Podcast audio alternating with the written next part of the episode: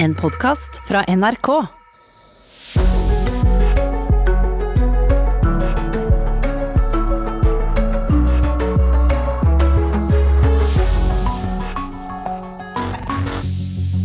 morgen, dette er Nyhetsmorgen i NRK P2 Alltid nyheter og på NRK1. Mange flere bilister eh, og biler må få hjelp langs eh, veien denne sommeren. Hva kan vi gjøre selv for å unngå å måtte vente i veikanten på en eh, redning? Skatteletten til oljeselskapene ble dyrere for oss alle enn den behøvde å være. Det var flere som sa dette, men denne kritikken kommer fra sjefen i Aker BP, oljeselskapet. Nynazisten som er siktet for det verste angrepet mot jøder i Tyskland siden krigen, viser ingen tegn til anger i eh, rettssalen. Og nå kommer de. Danskene strømmer nesten til norske fjell, og det er deilig, synes to av dem. Ja, det gør det. Vi har det er meldt os ind flot. i, ja, vi har meldt os ind i Turistforeningen. Velkommen. Ugo Fermarello og Ida Creed følger deg frem til klokken ti i dag. Det er en travel sommer for bilbergingsselskapene. Forsikringsselskapene melder også om en kraftig økning av saker de har på bordet der feriefolk trenger hjelp med kjøretøyet. Nils Sødal i NAF, eh, har dere mer å gjøre enn vanlig? Vi har litt mer å gjøre enn vanlig, særlig på en del plasser hvor det er eh, mye folk. Eh, Vi snakka med bergeren vår i Lofoten i går, og han jobber mer eller mindre døgnet rundt. Og så er det noen steder i landet er ganske stille. Men der hvor det er mye folk, der er det mye. Dette skal du få snakke mer om eh, straks. Og ikke minst skal vi spørre deg hva vi kan gjøre selv for å unngå å havne i den situasjonen. Arild Tistel i Førde bilberging sier at det er smale veier og folks eget sommerstress som gjør at folk blir hjelpetrengende. Feilfylling av drivstoff. Eh, Folk bruker kanskje litt mye strøm når de står i ro, så medfører at bilen starter ikke når de skal i gang igjen. ikke sant? Så vi må ut og, og utføre starthjelp. Kjenner du deg igjen? Da skal du vite at du ikke er alene om å tabbe deg ut med innelåste nøkler, elbil tom for strøm, campingvogn som blir både oppripet og bulkete fordi du feilberegnet bredden, eller at bilen din havarerte fordi campingvognen ble for tung. Skadene er mange og varierte, og skademeldingene strømmer inn til forsikringsselskapene, forteller informasjonssjef i If Forsikring, Sigmund Clements. Vi får mange skader fra særlig Nord-Norge og Vestlandet. Og det er et stort spenn i skadene. Det er alt fra behov for veihjelp. Det er mange som eh, overvurderer evnen til en tung bil og får trøbbel med gir og motor i bratte både motbakker og nedoverbanker, og får behov for veihjelp. If ønsker ikke å si noe om hvor stor økningen er, annet enn at den er betydelig. Samtidig har antall bilskader og behov for veihjelp i utlandet sunket. Vanligvis er det mange meldinger om bilinnbrudd i feriebiler i Gøteborg.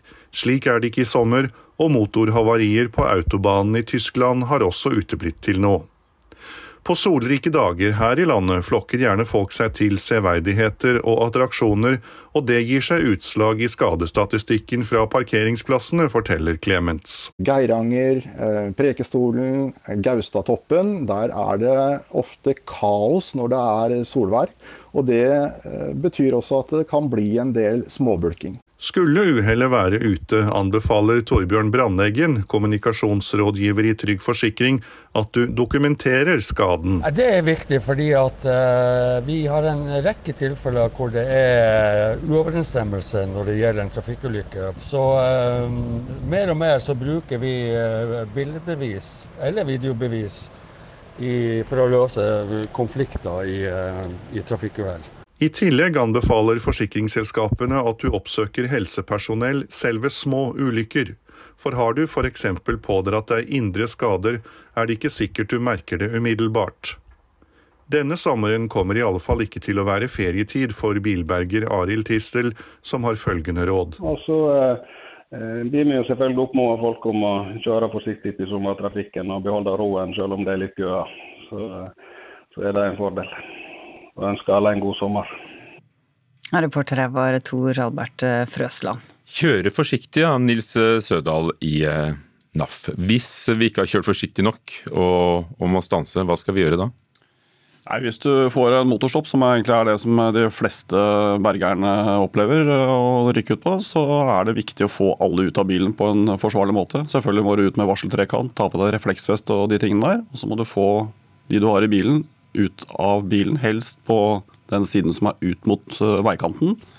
Og særlig hvis det er på motorvei, så må du få det også over autovernet, for der er det veldig høy hastighet. Så få folk i sikkerhet, og så tar du det derfra.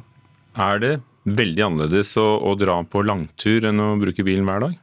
Det er det, eh, for vi kjører veldig kort i hverdagen. Det går bl.a. utover batteriet ditt i, i, bilen din. Eh, da tappes det. Du kjører egentlig med litt sånn halvfullt batteri i hverdagen, og så skal du ut på en langtur. Og Da pakker du bilen full, og du skal kjøre langt, og det er en helt annen belastning på bilen. Og Da kan det hende at det batteriet eksempel, ikke tåler de turene, og da opplever du plutselig at du ikke får starte. Så hva burde du ha gjort? Da burde du lada opp det batteriet før du dro på tur, eller eventuelt skifta det hvis det veldig, er veldig gammelt. Og, og, for andre som da fortsatt har eh, gammeldags motor, mm. med tennplugger og sånn, hva skal vi passe på? Nei, Det som er lurt å sjekke litt før du drar, som du kan se selv, det er sånn type som oljenivå i bilen, og litt sånn kjølevæskenivå og bremsevæskenivå. Det er ikke så mye mer du egentlig ser ned i et motorrom. Da skal det ha en veldig gammel bil. Uh, og så er det greit å sjekke intervallene på skifta registerreim f.eks. Hvis du nærmer deg det og skal på en lang lang kjøretur, så kan det være lurt å få skifta det før du drar. Sånn at ikke du får et registerheimbrudd underveis. Det er ikke noe gøy. Uh, og så er det viktig å sjekke dekk og alle sånne type ting. Registerremmen, hva er det den gjør for noe? Nei, Den sørger for at motoren din faktisk går. Uh, og det, hvis den ryker, så kan det skjære seg fullstendig. Og de som da ikke henger igjen i fortiden, men har elektrisk bil, mm. hva skal de passe på? For Vi hører jo da at folk har glemt å lade opp. Det, det høres jo banalt ut, men er kanskje vanskelig å huske? Ja, men sånn Normalt sett da, da kan det hende litt sånn, noen som er ute med elbil på sin første langtur, eh, sånn ordentlig ferietur. men men normaltilstand så er det ingen som kjører, kjører tom for eh, el mer enn diesel og bensin. Så det, er myte at alle elbilister går tomme for strøm på tur. Eh, men det er klart du skal sørge for at du har lada batteriene. Eh, og så er det ikke så veldig mye mer, for en elbil er mye enklere sånn bygd opp. Det er ikke så mye bevegelige deler, det er ikke noe olje å sjekke. Det er egentlig ganske mye mer enkel teknologi, akkurat den åssen bilen drives. Så, eh, men sørg for strøm på tanken, det er viktig. Og vit hvor du skal lade, det er kanskje den største bøygen. Hvordan finner vi ut av det? Nei, Der finnes det en rekke apper som du kan bruke. Du kan også bruke NAFs ruteplanlegger, hvor det ligger inne når du planlegger turen. Så du må vite hvor du kan lade opp, og gjerne også book deg inn på steder hvor de har eh, lademuligheter der du skal bo. Så slipper du kanskje en hurtiglading underveis. Du kan lade, hvis du vet du kan lade der du kommer. Du kan du ikke plugge til en vanlig kontakt? Du skal helst ikke gjøre det. Det er ikke helt så forsvarlig forhold til eh, brannsikkerhet og sånn. Eh, men du kan gjøre det sånn nødlading og få på noe strøm. Det er helt greit, men stå og lade over lang tid hvis du er på en hytte du vet ikke helt hvordan elanlegget er der og den type ting, så bør man prøve å unngå det. NAFTER er jo bilistenes egen forening, og, og da får man veihjelp inkludert. sånn. Dere ser kanskje folk, helst at folk ikke bruker den, men, men, kan det bli dyrt hvis ikke du har det i forsikringen eller i medlemskap hos dere eller andre ordninger? Ja, det er klart Hvis du ikke har dekning i det hele tatt, så kan det bli noen, en del tusenlapper. Ja. Og særlig hvis du må transporteres langt. Det, det kan du være hvis du står oppå fjellet. Men Nils Sødal, det er hyggelig å dra på biltur òg, er det ikke det? Det er ikke bare registerreimer og batterier? Nei, det er veldig hyggelig å dra på tur, og man hører jo at folk klumper seg sammen på de utroligste steder, holdt jeg på å si. Men, uh, men det kan jo være verdt å kanskje tenke at man skal ta en litt omvei, se noe annet utafor allfarvei enn å dra til Preikestolen og uh, Gaustatoppen og alle de stedene der. Takk skal du ha. Nils Sødal, kommunikasjonsrådgiver i Norges Automobilforbund.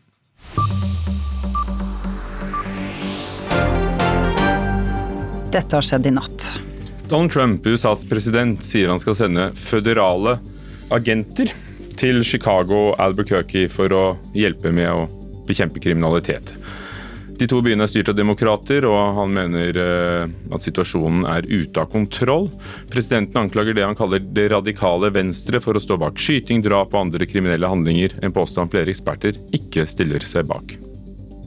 Her hjemme brant 300 griser inne i eh, to gårdsbygninger eh, på 13 i Gudbrandsdalen i natt. Rundt 200 griser ble reddet ut av naboer og andre som hjalp til, men eh, flere av dem må sannsynligvis avlives. To av bygningene på gårdene brant ned til grunnen. Det var lenge fare for at brannen på 13 skulle spre seg, men de andre bygningene ble reddet. En mann i 40-årene fikk bruddskader da han falt ut av et vindu i andre etasje fra et hus i Arendal. Det er uklart hvor alvorlig skaden hans er, men han er kjørt til sykehus. Og dette får du vite mer om eh, hvis du eh, følger med på NRK Nyheter utover dagen. I Tyskland er det ventet dom i rettssaken mot den tidligere fangevokteren i Stutthof-leiren, Bruno Day. 93-åringen tilhørte SS og var vaktmann i tårnet i utryddelsesleiren i de siste månedene av krigen. Han er tiltalt for medvirkning til 5230 drap.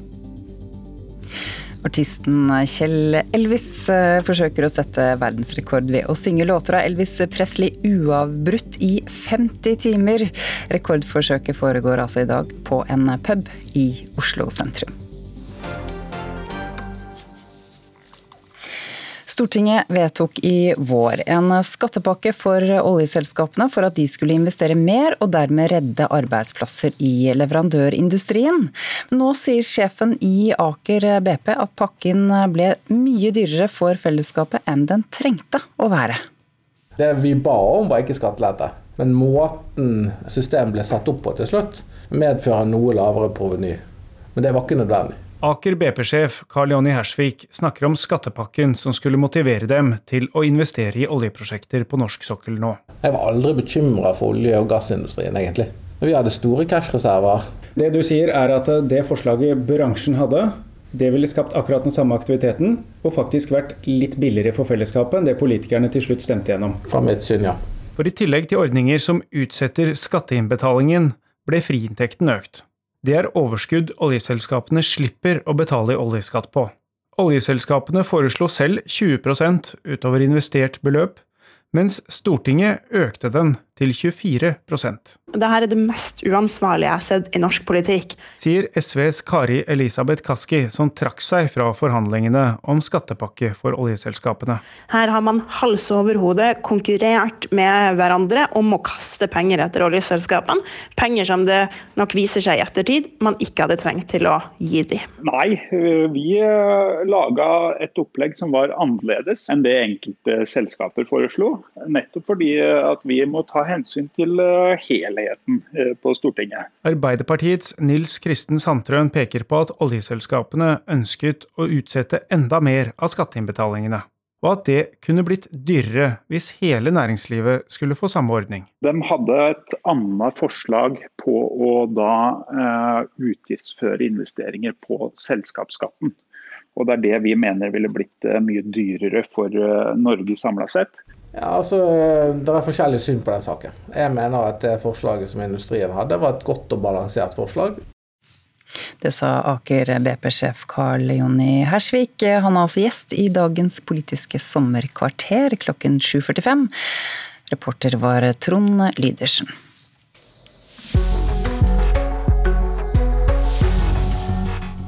Klokken er 16 minutter over syv. Dette er Nyhetsmorgen i NRK.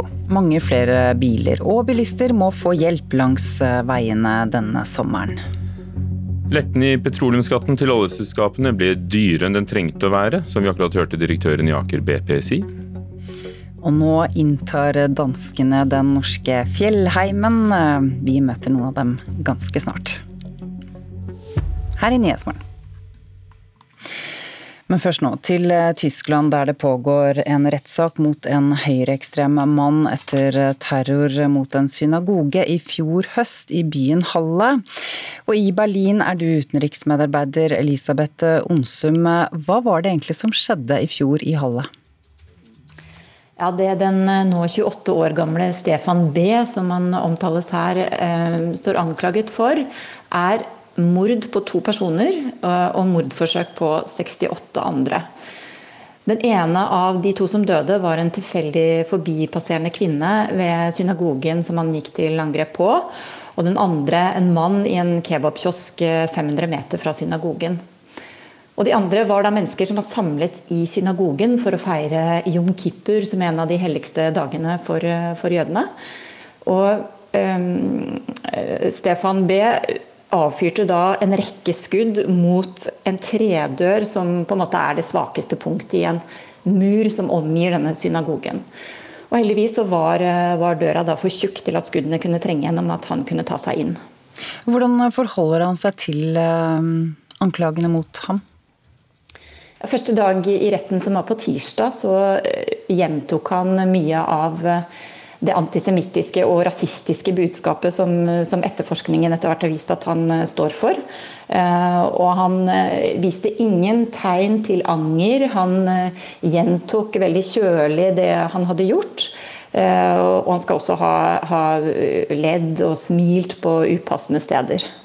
Hva slags straff kan han få?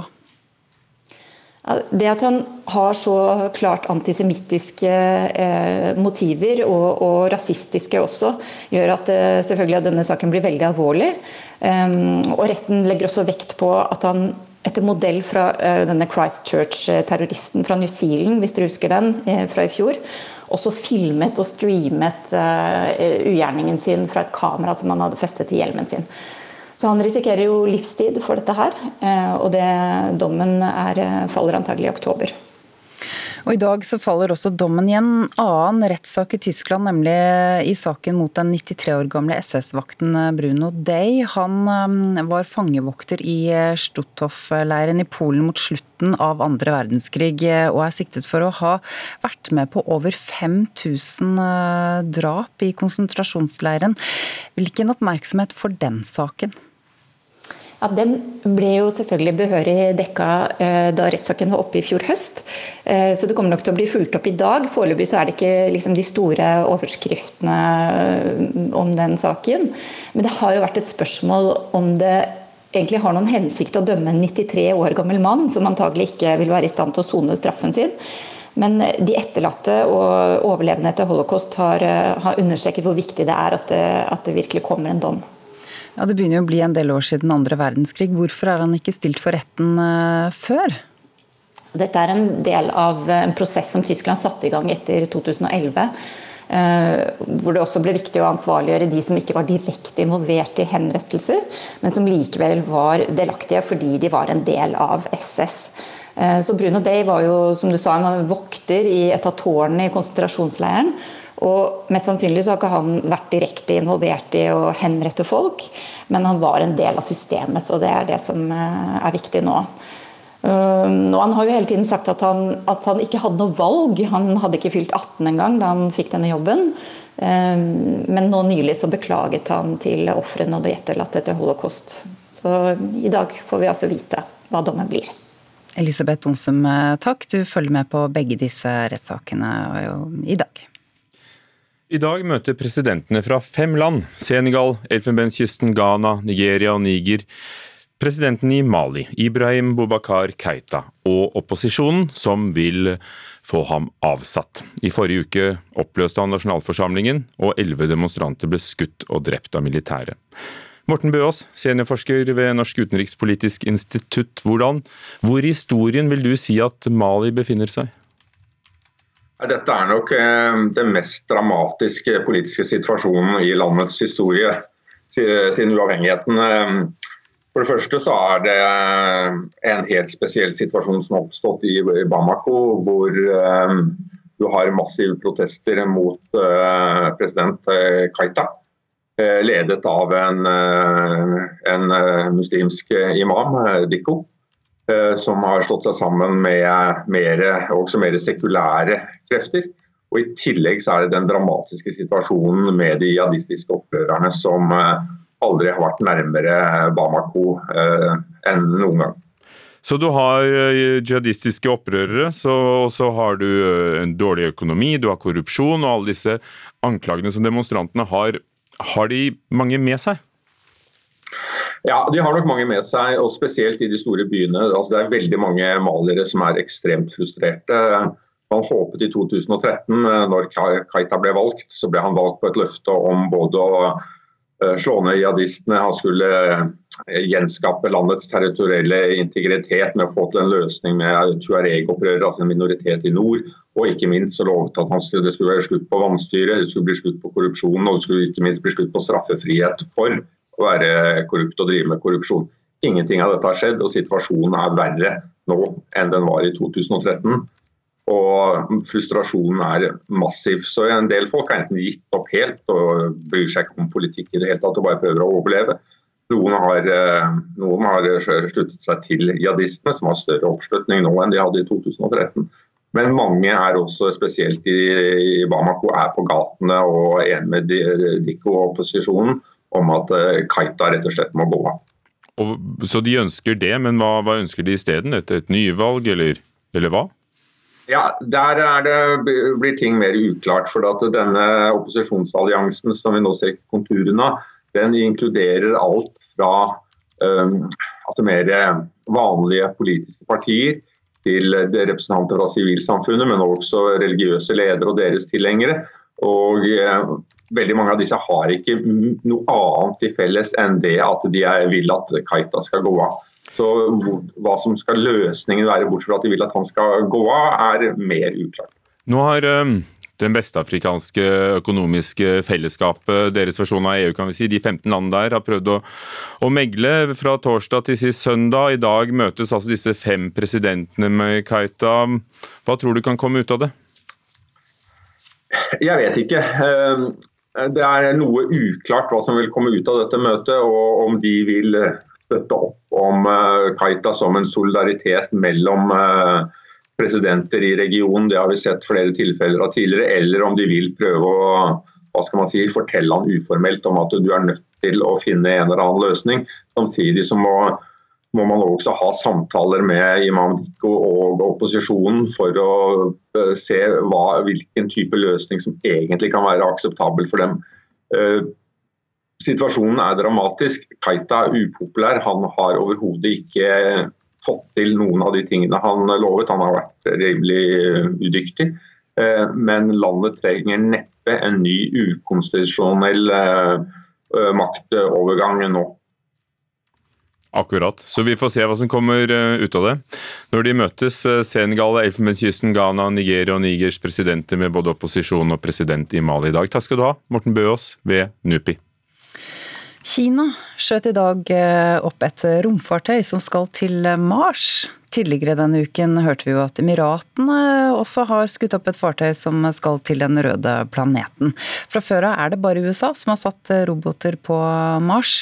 Den kinesiske roboten skal lete etter vann under overflaten i et forsøk på å finne spor etter mikroorganismer, altså liv, på en annen planet.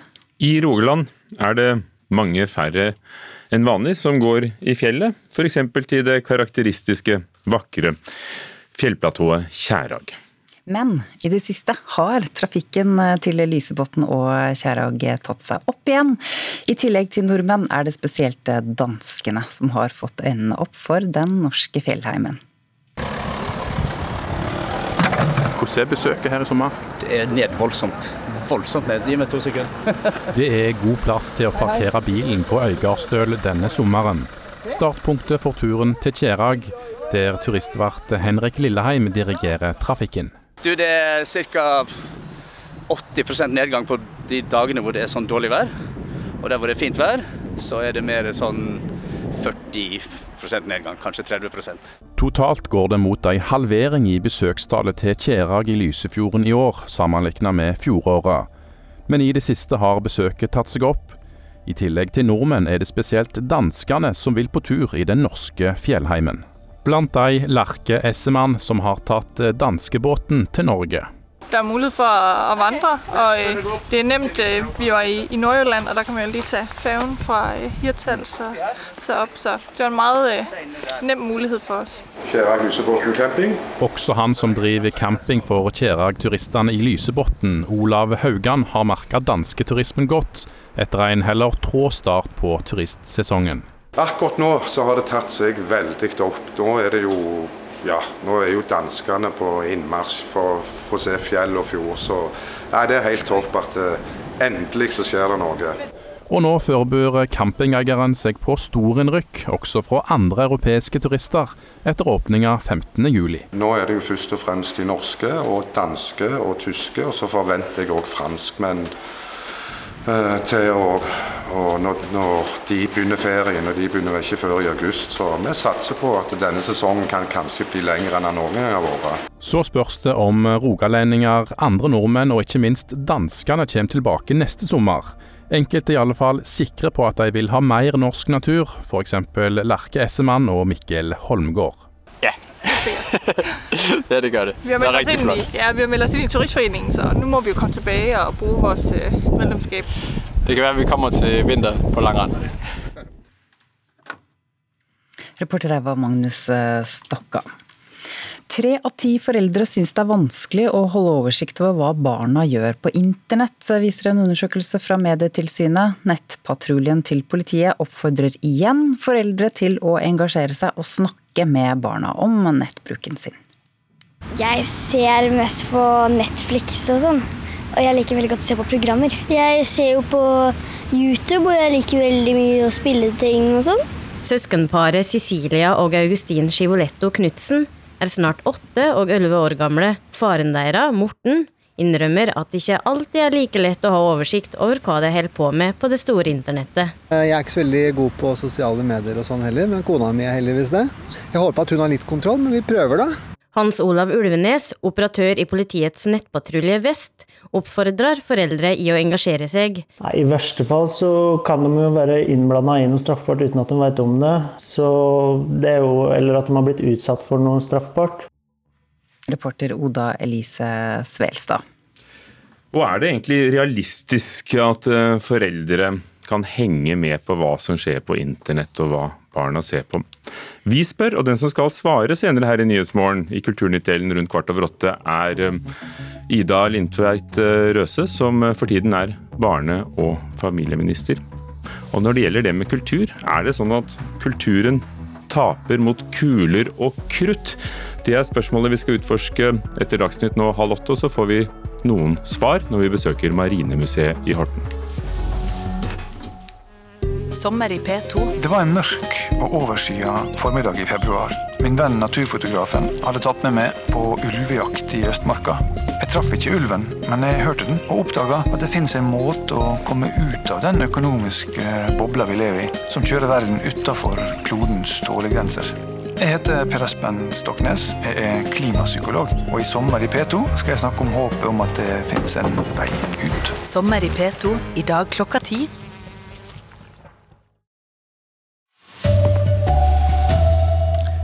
Køkaos på rv. 13 i Hardanger, og de lokale er Dritlei.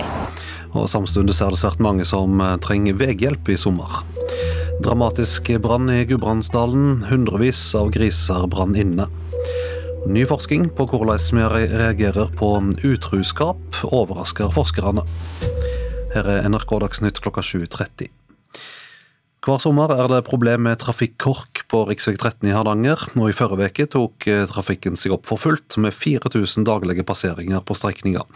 Folk som bor der, tykker situasjonen er fortvilende. Vi står og dirigerer trafikken. Det er en veistrekning der det er noen lommer med vei som ikke er brei nok til å møte to breie biler i hver sin retning. Politioverbetjent Paul Henriksen står på rv. 13 i Hardanger mellom Hardangerbrua og Skinsarvik. Hver sommer siden Hardangerbrua åpnet for syv år siden, har det vært trafikale problemer langs den nasjonale turistveien. Verst er det på den 12 km lange strekningen mellom Bjotveit og Skinsarvik. Eh, situasjonen er jo den at jeg helst ikke vil være hjemme. Jeg eh, foretrekker å både overnatte andre plasser og være vekke, fordi at det er såpass mye støy og eh, andre ting som denne trafikken medfører. Da. Sier Randi Elisabeth Oppedal. Hun bor ti meter fra hvitstripen til den trafikkerte veien. I sommerhalvåret kjører det omtrent 3500 biler forbi huset hennes hver eneste dag. Ordfører i Ullensvang kommune, Roald Aga Haug, sier de har god dialog med Vegvesenet om å få til midlertidige tiltak på problemstrekningen i 2021. Så Det vi eh, har ambisjoner om, det er å få inn 20 millioner ekstra til strakstiltak videre utover for å, for å kunne ta noen av de verste klypene. Randi Elisabeth sier hun helst sover vekke til strekningen er utbedret. Er du lei? Dritlei. Randi Elisabeth eh, Oppedal, reportere Ingrid Årekål og Tale Hauso. Men Samferdselsdepartementet kan foreløpig ikke love at det blir satt av penger til utbedring av veien. Det har vært en eh, svært travel sommer for bilbergerne. Forsikringsselskapene melder om at eh, det er mange som trenger hjelp med bilen i sommerferien. Smale veier og sommerstress gjør at folk trenger hjelp, forteller bilberger i Førde Bilberging, Arild Tistel. feilfylling av drivstoff. Folk bruker kanskje litt mye strøm når de står i ro, så medfører at bilen starter ikke når de skal i gang igjen. ikke sant? Så vi må ut og, og utføre starthjelp. Skadene er mange og varierte, og skademeldingene strømmer inn til forsikringsselskapene, forteller informasjonssjef i If Forsikring, Sigmund Clements. Vi får mange skader fra særlig Nord-Norge og Vestlandet. Og Det er et stort spenn i skadene. Det er alt fra behov for veihjelp det er mange som uh, overvurderer evnen til en tung bil og får trøbbel med gir og motor i bratte både motbakker og nedoverbanker, og får behov for veihjelp. If ønsker ikke å si noe om hvor stor økningen er, annet enn at den er betydelig. Skulle uhellet være ute, anbefaler Torbjørn Brandeggen, kommunikasjonsrådgiver i Trygg Forsikring, at du dokumenterer skaden. Det er viktig, fordi at uh, vi har en rekke tilfeller hvor det er uoverensstemmelse når det gjelder en trafikkulykke. Så uh, mer og mer så bruker vi uh, bildebevis eller videobevis bevis. Denne sommeren kommer i alle fall ikke til å være ferietid for bilberger Arild Tistel, som har følgende råd. Og så eh, blir vi jo selvfølgelig oppfordre folk om å kjøre forsiktig i sommertrafikken og beholde roen selv om det er litt køer. Så, eh, så, er det en fordel. Og ønsker alle en god sommer. Og reporter var eh, Tor Albert Frøsland. Flere hundre griser brann inne i en låve på 13 i Gudbrandsdalen sent i går kveld. Mellom 150 og 200 griser ble redda ut, men de blir trolig sendt til naudslakt. Flere hundre griser måtte springe for livet etter at en brann brøt ut i en låve på 13 i Gudbrandsdalen i går kveld. Låven huser kring 450 griser. Mellom 150 og 200 av dem ble redda fra flammene, men flere av dem må trolig nødslaktes. Ja, Det var veldig dramatisk med mange dyr som er innesperra i brann og fare for spredning til eh, to boliger og en garasje. Så det var ganske hektisk her når vi kom fram. Det sier innsatsleder i brannvesenet, Svein Pedersen. Han kan ennå ikke si noe om årsaken til brannen som brente ned to driftsbygg og tok livet av mange griser. I løpet av nesten tre kvarter så var to driftsbygninger nedbrent, så det har gått ekstremt fort. dette. Da det var kjent i bygda at låven sto i fyr, stilte naboer og sambygdinger opp for å hjelpe til med å berge grisene som kom seg ut av låven. Karina Melgardsbakken bor like ved gården, og var ei av de som kom springende da hun fikk vite om brannen. Så hørte vi sirene, gikk ut døra, og da så vi røyken over. Hvordan var det å komme opp hit og se det som foregikk? Helt forferdelig. jeg, jeg fikk veldig vondt av dyrene. da. Jeg ja, hater så dyr som har vondt. Reportere eh, Martirén Noreng Trøen og Trine Sandholm Misje. Utenriks, forholdet mellom USA og Kina blir stadig verre. I går gav USA Kina beskjed om straks å stenge konsulatet i Houston i Texas. Asia-korrespondent Kjersti Strømmen sier USA grunngir dette med personvernomsyn.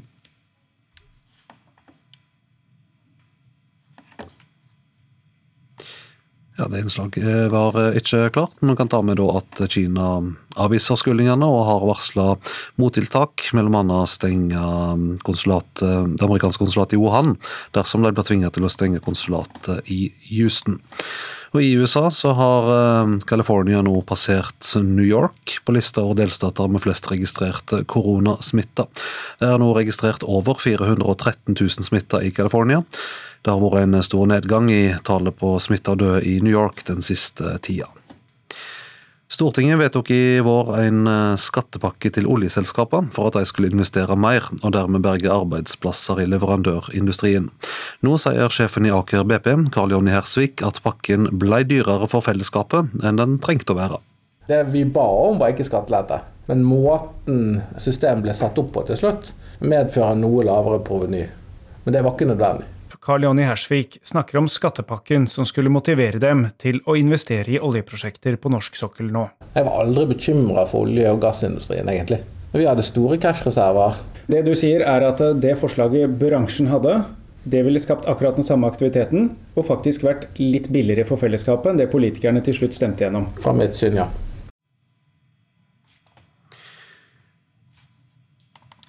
Forskere ved NTNU har prøvd å finne ut eh, hvordan eh, kvinner og menn reagerer når partneren har vært utru. Og Resultatet ble ikke helt som forskerne venta. Magnhild Sundland er en av de som har opplevd en utru partner. Jeg slo jo på samme dag, men vi gikk jo fram og tilbake, og spesielt i meg sjøl også. om Skal jeg tilgi det her? Er det greit? Magnhild Sundland opplevde at en hun var sammen med tidligere, hadde et forhold på si. Utroskap er på verdensbasis blant det som oftest ødelegger parforhold. Nå har tre forskere ved NTNU studert hva som får kvinner og menn til enten å tilgi eller å slå opp etter utroskap.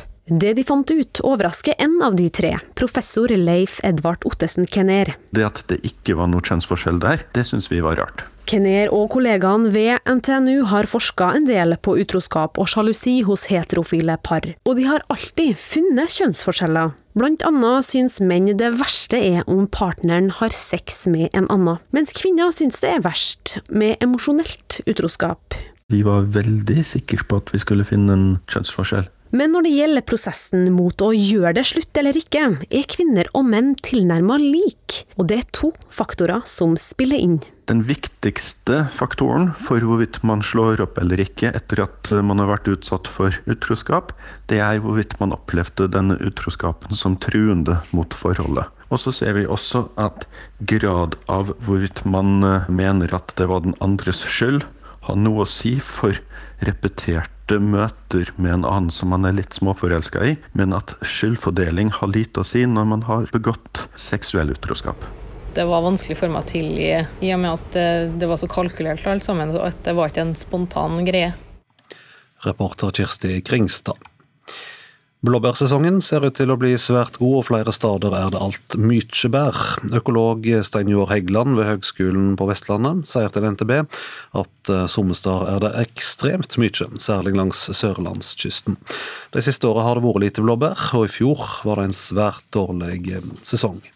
Klokka kvart på åtte kan du høre mer om eh, med intervjuet med Aker BP-sjefen Karl Jonny Hersvik. Han er gjest i dagens sommerkvarter.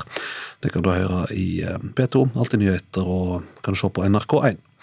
Ansvarlig for sendinga var Arne Skårseth, i studio Vidar Eidhammer.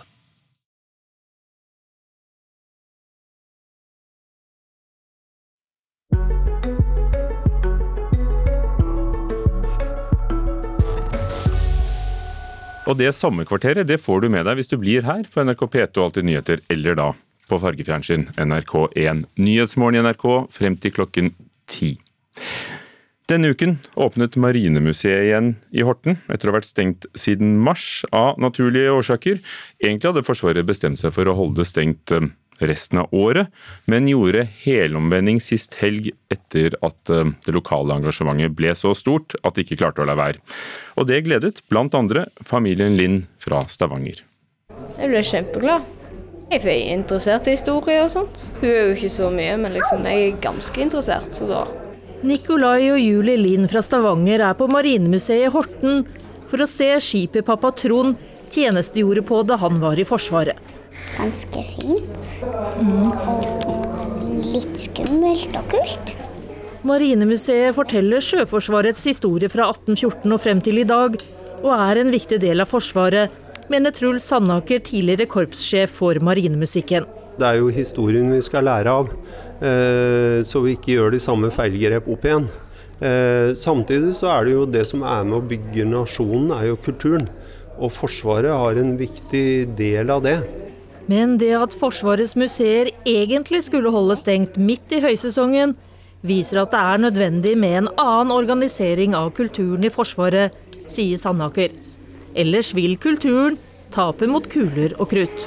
I og med at forsvarssjefen har eh, en eh, oppdrag å øke kampstyrken, altså få mest mulig kampstyrke ut av midlene sine, så vil eh, kulturen bli taperen. Og det har vi jo sett gjennom alle de åra, hvor det kommer opp forslag på forslag med nedleggelse, omorganisering og innsparinger.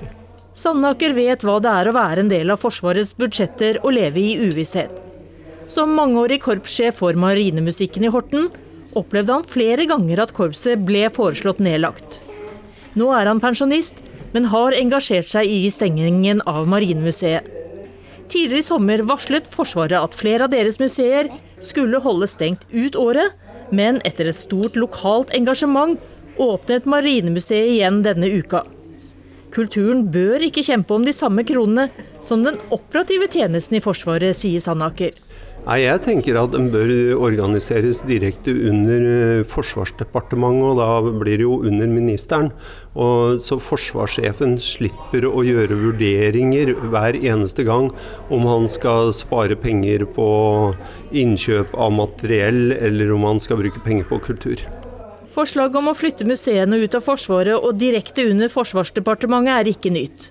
Et utvalg som utredet Forsvarets museer i 2017, foreslo det samme. Erling Kjærnes, direktør for Forsvarets museer, satt i dette utvalget og bekrefter at det er en utfordring for kulturen å nå opp i prioriteringene. Forsvarets hovedoppgave er jo operativ evne, og vil jo prioritere det. Så sånn sett så er jo, blir jo uh, kulturen et, skal si, et lite sånn stebarn inni der. Likevel sier ikke Kjærnes et ubetinget ja til det samme forslaget i dag. Det er, liksom, det er vanskelig å si ja eller nei til det, faktisk. fordi at det, det handler rett og slett om viljen til prioritering. Altså Får vi en, uh, får vi en bærekraftig økonomi under forsvarssjefen, så tror jeg vi helst ligger der, for å si det sånn. Sandaker vil også beholde Forsvarets kultur i Forsvaret. Men kanskje kan en løsning være et samarbeid med Kulturdepartementet. Tilknytninga til Forsvaret er jo veldig sterk. Samtidig har jo Kulturdepartementet mye kunnskap om det, så et samarbeid mellom Kulturdepartementet og Forsvarsdepartementet bør jo være mulig for å finne den beste løsningen. Sa Truls Sandaker, tidligere korpssjef for Marinemusikken, i anledning at eh, Marinemuseet i Horten da er åpnet igjen. Forsvarsministeren har ikke vært tilgjengelig for kommentar, men ifølge departementet ser de på alternative måter å organisere Forsvarets museer på. Aina Innreiten var reporter. Dette er Nyhetsmorgen i NRK, og en av hovedsakene våre i dag er at mm, oljeselskapene som fikk endret petroleumsskatten for å sikre bransjen i nedgangstider, kanskje fikk en skattelette som gjorde det for dyrt for fellesskapet. Det er i hvert fall meningen fra sjefen for Aker BP. Og det er nettopp eh, han, sjefen, som eh, Carl Jonny Hersvik, som vår reporter Trond Lydersen har møtt i sommerkvarteret i dag.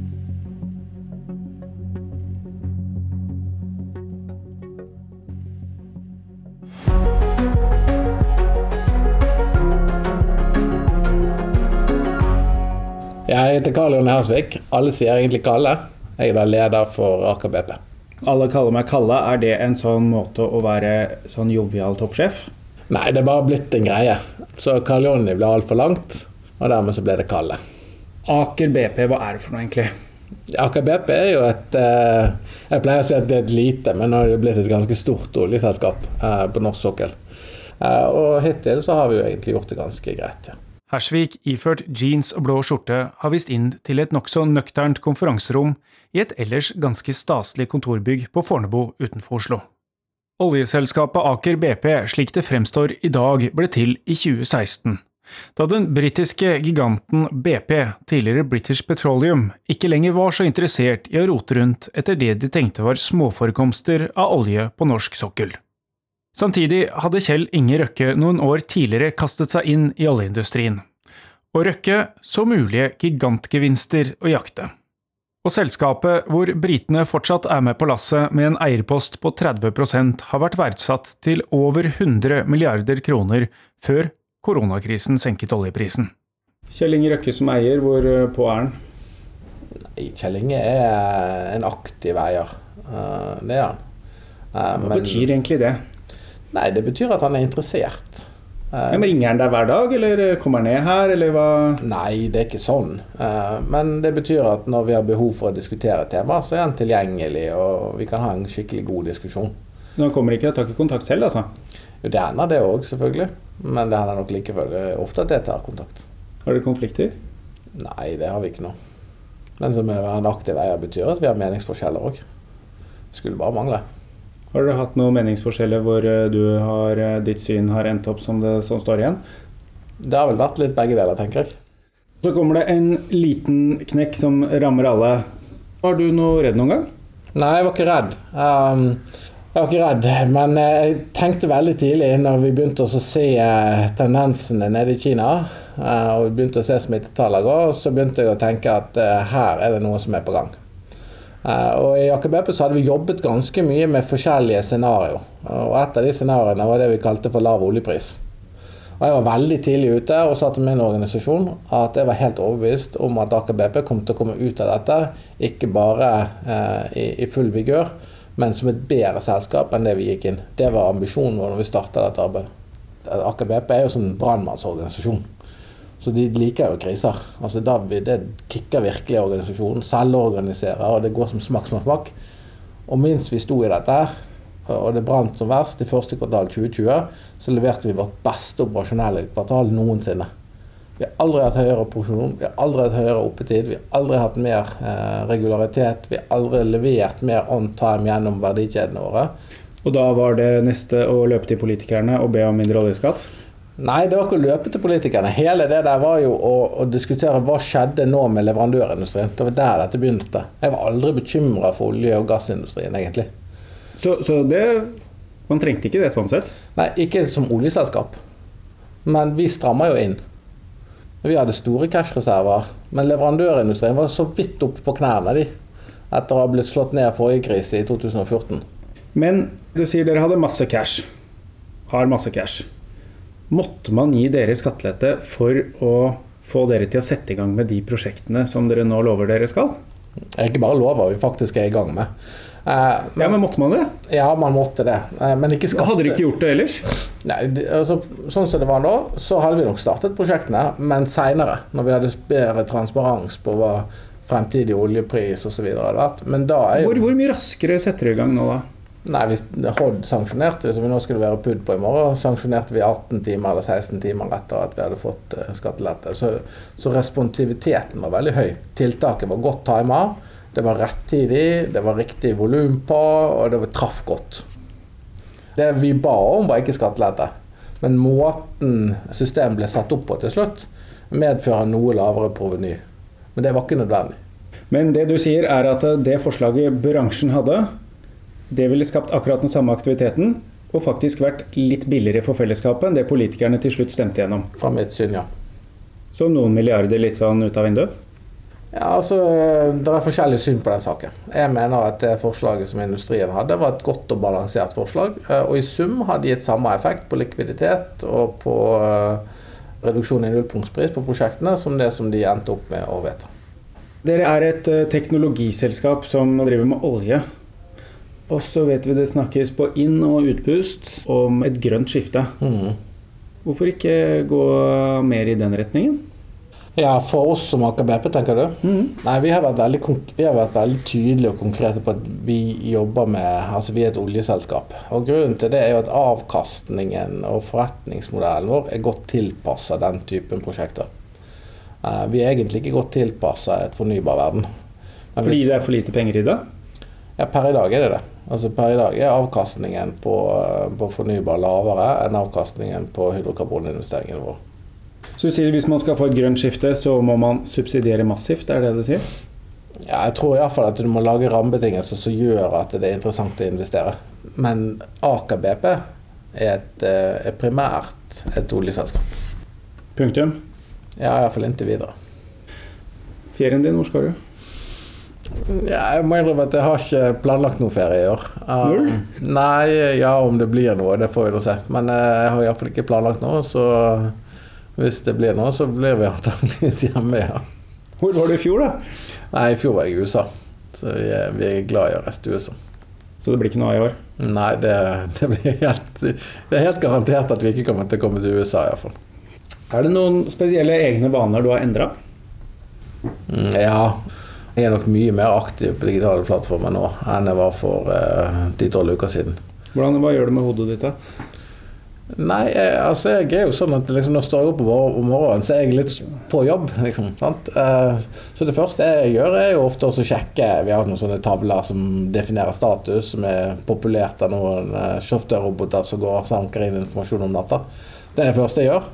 Og så er det ganske typisk at jeg er på en seks, sju, åtte videoplattformer eh, i løpet av den dagen. Eh, og tømmer gjerne en to-tre mobiltelefonbatteri. eh, For disse videokonferansene tar jo mye mer eh, kraft enn en resten. Så jeg er blitt mye mer aktiv ut mot eh, organisasjonen. Vi kjører ukentlige allmøter. eh, Distribuert på Workplace som en sånn Facebook at work-greie. Så jeg jeg føler liksom at interaksjonen med organisasjonen har endra seg. Eh, tilstedeværelsen og de, liksom, intensiteten på disse digitale plattformene er helt annerledes. Er det mer? Mye, mye mer. Altså Bruken av Teams og bruken av eh, digitale chattefunksjoner og sånn er jo eksplodert. Altså Det er ti ganger og hundre ganger mer enn det var for Kjenner du det på kroppen? Kjenner medarbeiderne dine det på kroppen? Ja, de gjør det. Jeg kjenner det på kroppen òg. Blir det for mye? Nei, det vet jeg ikke, men du må beskytte deg sjøl på en annen måte. Fordi det, det, det jeg merker er at eh, selv om jeg har vært vant til å jobbe mye, så er det grensesnittet mellom når du er på jobb og når du har fritid, det er jo totalt utvaska. Det må jeg innrømme at det sliter jeg med sjøl. Så jeg har jo bare innfunnet meg med at jeg er stort sett på jobb. Når du våkner om natta, hva gjør du da? Jeg prøver å sove igjen. Du sjekker ikke om uh... Nei, jeg må innrømme det at jeg har prøvd å la være det der. For plukker jeg opp, Prøvd? tele ja, plukker opp telefonen der, så går det jo fort noen timer, og så er det vanskelig å sove igjen. Du har gjort den feilen? Ja, ja. Det har jeg gjort. Det, da, da er du trøtt dagen etterpå, altså. Dere stengte ikke helt ned selv under den verste perioden. Er det noen sånn smitteråd som du selv ikke har fulgt helt? Ja, nei, det vet jeg egentlig ikke. Eh, Altså, jeg har prøvd å være veldig sånn strigent på dette, for jeg har min kone med MS. Så det å få korona hjemme har vi vært eh, ganske bekymra for. Så, så jeg har prøvd å være ganske firkanta i forhold til disse smitterådene. Når tror du på en måte verden er normal igjen? Eh, Når vi får en vaksine som funker. Hvordan eh, fortoner eh, hverdagen eh, din seg? Hvor mye i Bergen, hvor mye her? Hvordan får du dette i hop? Nei, nå har jeg vært veldig mye i Bergen. så nå, jeg er jo vant til å reise en par hundre reisedøgn i året. Så det å liksom ha Bergen som base nå, det har jo vært både befriende og, litt krevende. Og nå har jeg begynt å reise litt mer igjen. Men nei, jeg bruker vel to tredjedeler av tiden min kanskje i Bergen, på hjemmekontor, og en tredjedel på, på farten, f.eks. her. Oljeselskapene har blant de høyeste lønningene i Norge. Karl Jonny Hersvik fikk 12 millioner kroner i fjor i lønn og bonus. For å lede Aker BP i pendlertilværelse mellom hjembyen Bergen og kontorene på Fornebu utenfor Oslo. I den, den krisa vi har vært uh, gjennom nå, så har man sett veldig mange på hjemmekontor, og dere har brukt mye hjemmekontor. Og så har man sett ganske mange arbeidstakere med ganske lave lønninger, som var de som faktisk sto igjen og måtte være på jobb for at Norge i det hele tatt skulle fungere sånn noenlunde. Hva tenker du om at eh, når man skulle ha igjen de viktigste, så var det veldig fort veldig mange av de med de laveste lønningene som ble pekt på? Ja, jeg syns egentlig det er et paradoks. Og jeg syns egentlig at eh, hvis jeg tar utgangspunkt i min egen situasjon, eh, så er det klart at vi kunne ikke driftet uten våre offshore-medarbeidere. Eh, Eller basemedarbeidere, eller de som jobbet på båtene eller riggene. Eh, Og det betydde at den første prioriteten min var å sørge for at de var så sikre som jeg kunne få gjort dem. Og det betydde at vi gjorde ganske mange grep veldig tidlig for å beskytte dem. Og så, tenker du litt på hvordan ser vi som samfunn ut. Og, det er òg en ganske sånn interessant diskusjon. sant? Du går i butikken, og, der er det folk på jobb osv. Og, sånn. og jeg tror vi som, vi som nasjon og vi som bedriftsledere vi må begynne å tenke litt gjennom hvordan fungerer disse systemene. Ja, det, lønn er en del, men hvordan ser vi på hvordan vi ser på denne typen ting. Sant? For du blir veldig sånn opptatt av din egen situasjon. Og så opplever jeg kanskje at dette er en sånn wake-up call. Og jeg har følt det litt samme rundt lærere, f.eks. Hvorfor er det så lav status? Altså, de gjør jo kanskje den viktigste jobben i, eh, vi har her i landet, nemlig å utdanne våre neste generasjoner. Så jeg tror at vi har godt av en flatere struktur i samfunnet eh, generelt. På lønn? Ja, både på lønn, men på anseelse, på måten vi snakker om disse tingene på, måten vi behandler hverandre på, osv. osv. Jeg er litt bekymra for at liksom, det, blir, det der hierarkiet jeg, jeg liker det veldig dårlig sjøl. Altså, jeg må innrømme at jeg, jeg trives best med å liksom, trakke rundt i min egen organisasjon, iallfall. og sitte og prate med folk ute i, på installasjonene, ute på basene og sånn. Og ikke sitte i det Eiffeltårnet og kikke ned. Det, det, altså det, er et eller annet der som vi som nasjon har en behov for å gå litt i oss sjøl. Og det er oss som bedriftsledere som iallfall internt i våre egne organisasjoner, vi må virkelig gå opp, gå opp dette på nytt. Altså. Betyr det også et lønnsløft typisk for de gruppene, eller betyr det at man må ha en lønnsmoderasjon eller kutt i de lagene som nå tjener mest? Altså, jeg tror det er mange elementer i dette, men, jeg tror lønn er et av de. Og jeg tror nok at personlig så tror jeg at det må være en kombinasjon av disse tingene. Også lønnskutt? Ja, jeg tror at over tid så er man nødt til å tenke litt på hvordan avstanden er mellom leder og medarbeider i en sånne, i en sånne bedrifter. Og vi må i hvert fall ikke komme i en sånn situasjon som en del amerikanske bedrifter har, hvor, hvor det liksom er enorme avstander. Det tror jeg vi som nasjon er tjent med. Og jeg klarer heller ikke å se at det er tilpassa den norske kulturen. Kommer dere til å gå foran da med et godt eksempel i forhold til det du sier nå? Vi var veldig tidlig ute nå og stoppa bonuser og hele dette greiene her. Jeg har personlig sagt at min lønnsutvikling skal iallfall være flat i inneværende år. Som egentlig betyr at det er negativ reallønnsutvikling. Og så må vi diskutere litt hvordan vi som samfunn tilnærmer oss dette. Men, men det, er et eller annet òg med anseelsen. Altså hvordan ser vi på disse gruppene? Jeg må innrømme at jeg har tatt ganske mange beslutninger om samarbeidspartner basert på hvordan de håndterer f.eks. kelnere på restauranter. Gjør det? Ja, ja. Altså, hvis, du ikke, hvis du ikke klarer å håndtere dine med, medmennesker med respekt, så sitter jeg og tenker på okay, hva skjer i en konfliktsituasjon nå? Altså, er dette en kultur, er dette et verdisett jeg kan identifisere meg med? Var det en stor kontrakt? Ja, akkurat dette eksempelet var en konsulentavtale. Eh, som vi var egentlig i ferd med å sluttforhandle, og jeg må innrømme at det, det ble ikke noe. Som, skjønte de det der da? Ja, etterpå så skjønte de det. Ga de ganske klar beskjed om hvorfor det hadde, det hadde blitt sånn. Da blir det god sommer uten ferie på deg? Uh, det er nok noen hjemme som håper på at det skal bli litt mer tid til familien, men uh, vi får se.